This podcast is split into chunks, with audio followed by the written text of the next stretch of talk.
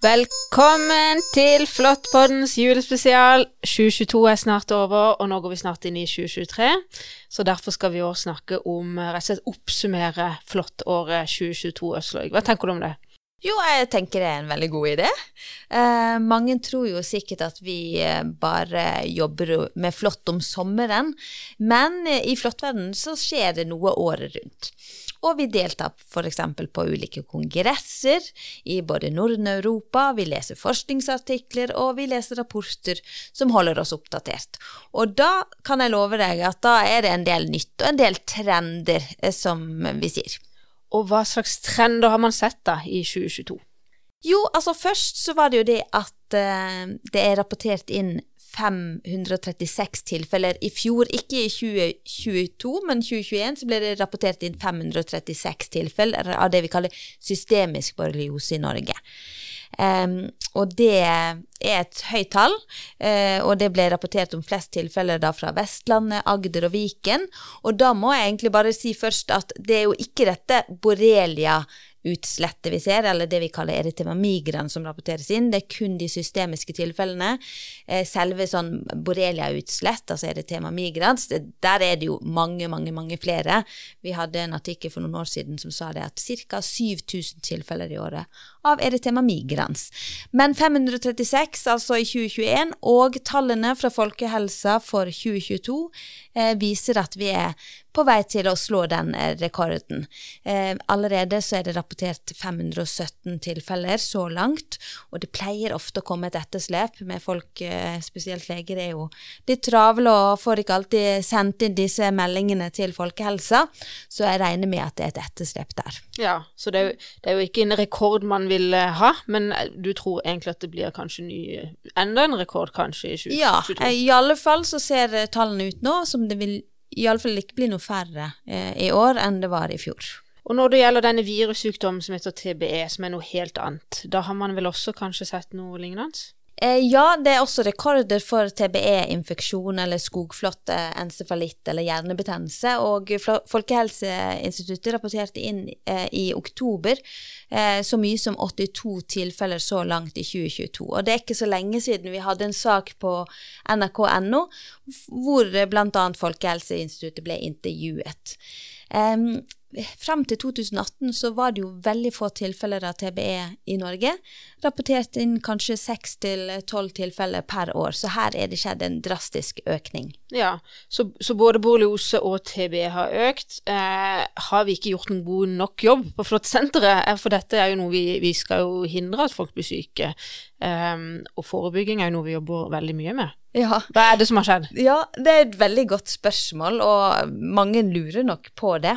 Um, først må jeg si at En del forskere har jo pekt på dette med koronapandemien som en mulig forklaring for denne økningen de siste årene man tenker seg at flere, flere, folk er ute i skogen, det har vært eh, nedstengninger i ulike land, inkludert Norge, ikke sant, og at man da har valgt å heller ta turene i, i skog, og, og, skog og mark og får mer flåttbitt.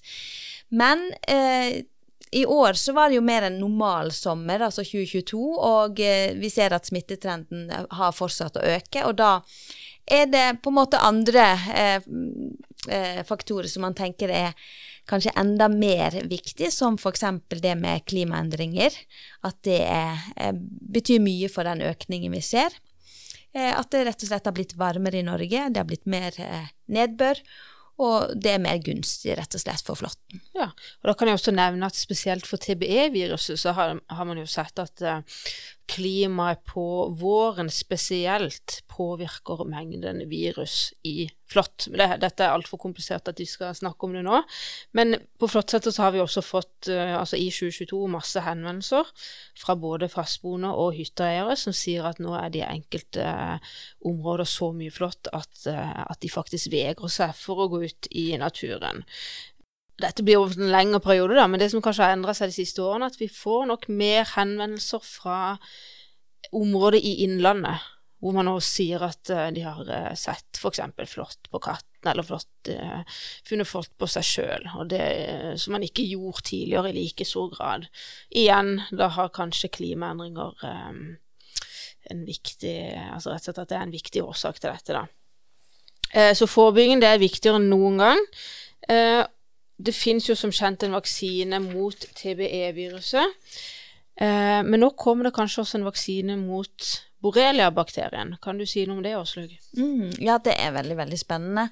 Eh, og nå i høst så har eh, Pfizer, uh, som også er kjent for andre vaksiner, sammen med Val uh, Valneva um, de har startet opp en fase tre-studie, altså en studie der de prøver ut en vaksine på en, et stort antall mennesker. Og da er det en kandidat som heter VLA15, som de da skal uh, sjekke uh, om har god beskyttelse for uh, borreliainfeksjon. Og i denne studien er det faktisk 18 000 mennesker som skal inkluderes. Og halvparten av de vil da få en vaksine, Eh, mens den andre halvparten vil få en placebovaksine. Altså de, de, tror de får vaksinen, men da er det saltvann som gis. Og så vil jo det være statistikere som skal se på uh, hvor mye denne vaksinen eventuelt beskytter. Ja, og denne vaksinekandidaten da, uh, VLA15 som den heter, den skal altså beskytte mot de viktigste borreliaartene som gir sykdom hos mennesker, og da er det altså borrelia burgdorferi sensus rictu, borrelia afseli, borrelia garini og borrelia bevarensis. Kan du uh, prøve å forklare oss prinsippet bak vaksina? Hvordan, hvordan, skal den virke? Ja, altså Det som skjer, er at borrelia-bakterien den uttrykker også sånne overflateprotein. Det har vært mye snakk om det for koronavaksine og koronaviruset, at de har sånne overflateprotein. Eh, og her, eh, for borrelia-bakterien, så er det et viktig sånn overflateprotein som heter OSP-A. Og eh, det er antistoffer mot denne OSP-A-en som, som, dannes når vi får dette, denne vaksinen tilført. da. Og så kan man da tenke seg at når man får mange nok eh, vaksiner med, med og danner sjøl antistoffer mot OSPA, så forhindrer det smitten av, eh, smitte av borreliabakterier. Ja. Eh, og så kan jeg også nevne at det fantes jo faktisk for mange år siden en vaksine i USA som het Limerix, men pga.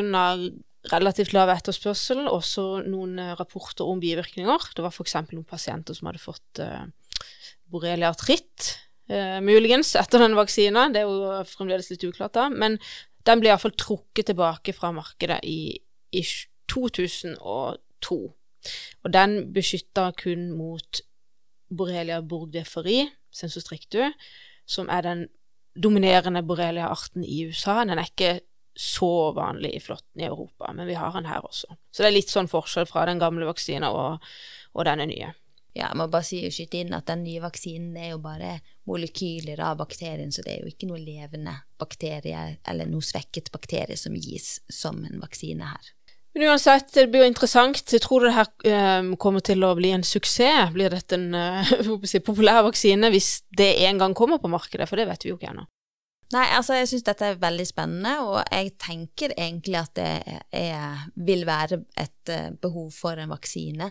Selv om borrelia-bakterien er jo bakterier som man kan behandle med antibiotika, til forskjell fra f.eks. For TBE-virusinfeksjonen, hvor man ikke har noe konkret behandling, men, uh, og da vil man kanskje tenke at en vaksine er enda mer viktigere. Men i og med at det er såpass mange som har restplager etter en borrelia-infeksjon, eh, når det gjelder de systemiske, så vil jeg tro egentlig at en del likevel ønsker å, å bli beskyttet eh, og ta en vaksine, da, hvis den, hvis den er effektiv.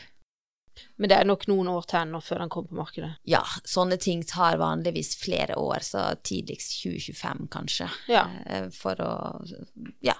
Det, det, det, er såpass mange som skal gjennom, og i tillegg så skal man ha noe observasjonstid for å se om det er effekt, ikke sant.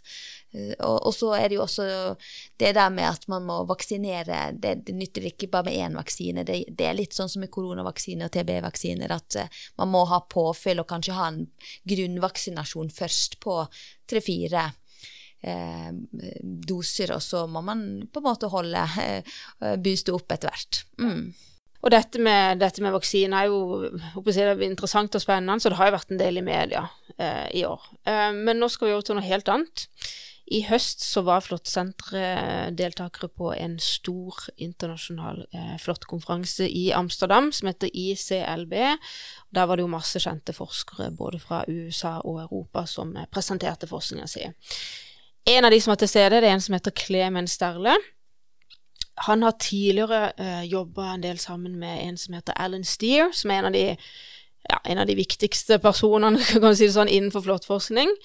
Og de har forska mye på borrelia tritt, hvor de bl.a. har sett at eh, en del av disse pasientene når, når denne borrelia tritt-infeksjonen har forsvunnet, så har de utvikla det som heter eh, altså sekundære leddbetennelser av at det har oppstått en sånn autoimmun reaksjon i kroppen. Jeg nevnte jo kort borrelia tritt, men det betyr egentlig at uh, da har du en leddbetennelse av borreliose. Og Klemen han har nå også forska på nevroboliosepasienter, så det er noe helt annet. Da har du en borreliainfeksjon i nervesystemet. Og der har han sett at, um, at det er enkelte det vi kaller for biomarkører som går igjen hos pasienter som har uh, mer langvarige uh, symptomer. Så dette er jo kjempeinteressant. Og, dette er jo veldig aktuelt eh, for vår forskningsgruppe her nede på Sørlandet sykehus, eh, som jobber med det store prosjektet som heter Borsi, der vi har sett på nevro, nevroborreliosepasienter og fulgt de i over et år, um, og spinalpunktert flere ganger. Så dette med biomarkører for de som har mye og lite symptomer, om det er noe forskjell på det, og om det kan være mer noen sånne autoimmune eh, komponenter i eh, det med langvarige plager i etterkant av en infeksjon, det er veldig veldig spennende og et hot tema. Ja, og det kan også selvfølgelig overføres til f.eks. Eh, mange andre sykdommer, f.eks. korona. Det har vært veldig mye snakk om long, det vi kaller for long covid. Hvorfor er det noen som hangler i månedsvis, eller kanskje lenger enn det, etterpå en sånn infeksjon. Mm. Veldig interessant. Så dette er kjempespennende nytt. og noe som vi sikkert vil høre mer om fremover. Og så har det også kanskje, vil jeg si, de siste årene, kanskje også i, altså i 2022, vært en del fokus på dette med riktig antibiotikabehandling. Um, I Amsterdam, på den flotte konferansen, så var det en uh, forsker fra Slovenia som presenterte en studie som gikk på behandling av eritema migrans, altså dette borrelioseutslettet. Det som er standardbehandling i de fleste land i dag, det er jo 14 dager. Men da hadde de i Slovenia gjort en studie hvor de hadde eh, gitt pasienter eh, altså den standardbehandlinga på 14 dager, eller en kortere kur på syv dager. Og da hadde de sett at ikke det var noe forskjell i det vi kaller for outcome. Altså, hvilke, altså de ble friske, eh, begge disse gruppene. Ja, og det at, at ikke det er noen forskjell på syv, og, syv dager og 14 dager, er jo kjempegodt nytt. Det at vi på en måte kan få ned eh, antall dager med antibiotika. Vi har jo sånn som et generelt eh, helseproblem er jo bruken av antibiotika, og det utvikler resistens på andre bakterier. Så det å kunne på en måte behandle kortere er kjempeviktig. Og der har jo vi allerede eh, endret eh, de nasjonale retningslinjene for en tid tilbake, fra 14 dager til ti dager, som det er nå, for et uh, borrelia-utslett i huden, altså erytema migrans. Og man kan jo egentlig ikke understreke nok hvor, hvor viktig dette er, for det er virkelig en trussel mot uh, folkehelsa. Men det, jo, det, får jo faktisk ikke så mye medieoppmerksomhet som det burde fått, tenker jeg. Men eh, på eh, eh generelt sett også på denne flåttkonferansen, og også i andre store forskningsprosjekter, så er det også mer og mer fokus på disse eh, altså mindre vanlige flåttsporende sykdommen. Altså dette er sykdom som man ikke visste fantes uh, for en del år siden. Uh, man visste lite om det. Nå kommer det mer og mer uh, forskning, mer og mer data, mer og mer informasjon. Jeg kan nevne f.eks. det en bakterie som heter eh, nealicia, som kan gi en sykdom som heter nealiciose som vanligvis, hvis man er frisk og rask, så vil man ikke merke noe, men hvis du f.eks. er veldig gammel eller har dårlig immunforsvar, så kan du bli alvorlig syk. F.eks. at du kan rett og slett få blodpropp i, i, noen tilfeller. Det er sjeldent, men det er viktig å få opp kunnskapen på disse. Ja, det er veldig sjeldent, og der er jo Sørlandet sykehus med, med mikrobiologisk avdeling i spissen. Eh, litt banebrytende, vil jeg si. De har et flott samarbeid, spesielt med svenskene, som har holdt på med Neoelikia i, i flere år nå. Og eh, utvikling av gode eh, altså diagnostiske analyser, eh, tester, eh, det er på en måte kjempeviktig for å og kunne stille diagnosene raskt og enkelt. Ja, og det jobber man jo også med dette med diagnostiske tester. Det jobber man mye med i, i f.eks. dette Northtic-prosjektet, som er et EU-prosjekt i Nordsjøregionen, som Flåttsenteret er med i. En annen eh, sykdom som er litt sånn uh, up and coming, for å si det sånn, det er noe som heter borrelia myomatoi. Som da gir en tilbakefallsfeber. En febersykdom, rett og slett. Ja, at det gjerne er litt sånn høy feber, og så kan gjerne komme og gå litt. Men uh, høy feber over lang tid er typisk for denne, hvis man blir syk av den. Uh, helt til slutt, uh, det nærmer seg jul. Mange, altså Plasttre er populært, men fremdeles er det noen som, som sverger til uh, nyhogga tre. Bør man sjekke juletreet for flott før man drar det inn i stueoppslaget? Det er ikke det første jeg tenker på, for å si det sånn. Altså For det første så er jo ikke flåtten veldig glad i store trær, det er jo mer busker og gress. Og så er det jo dette med temperaturen. Ehm, så lenge det er under eh, fire-fem grader, så er jo flåtten veldig lite aktiv. Den går eh, nesten i dvale for, for å prøve å overvintre eh, vinteren og komme seg gjennom den. Selv om jeg ikke kan si det 100% så ville jeg ikke vært veldig bekymra for det treet som skal inn tror vi avslutter med litt sånn eh, julesang i bakgrunnen, og så takker vi for eh, den flotte oppsummeringa av Flottåret 2022. Takk for at du hørte på oss i Flåttpodden. Ha en flottfri jul!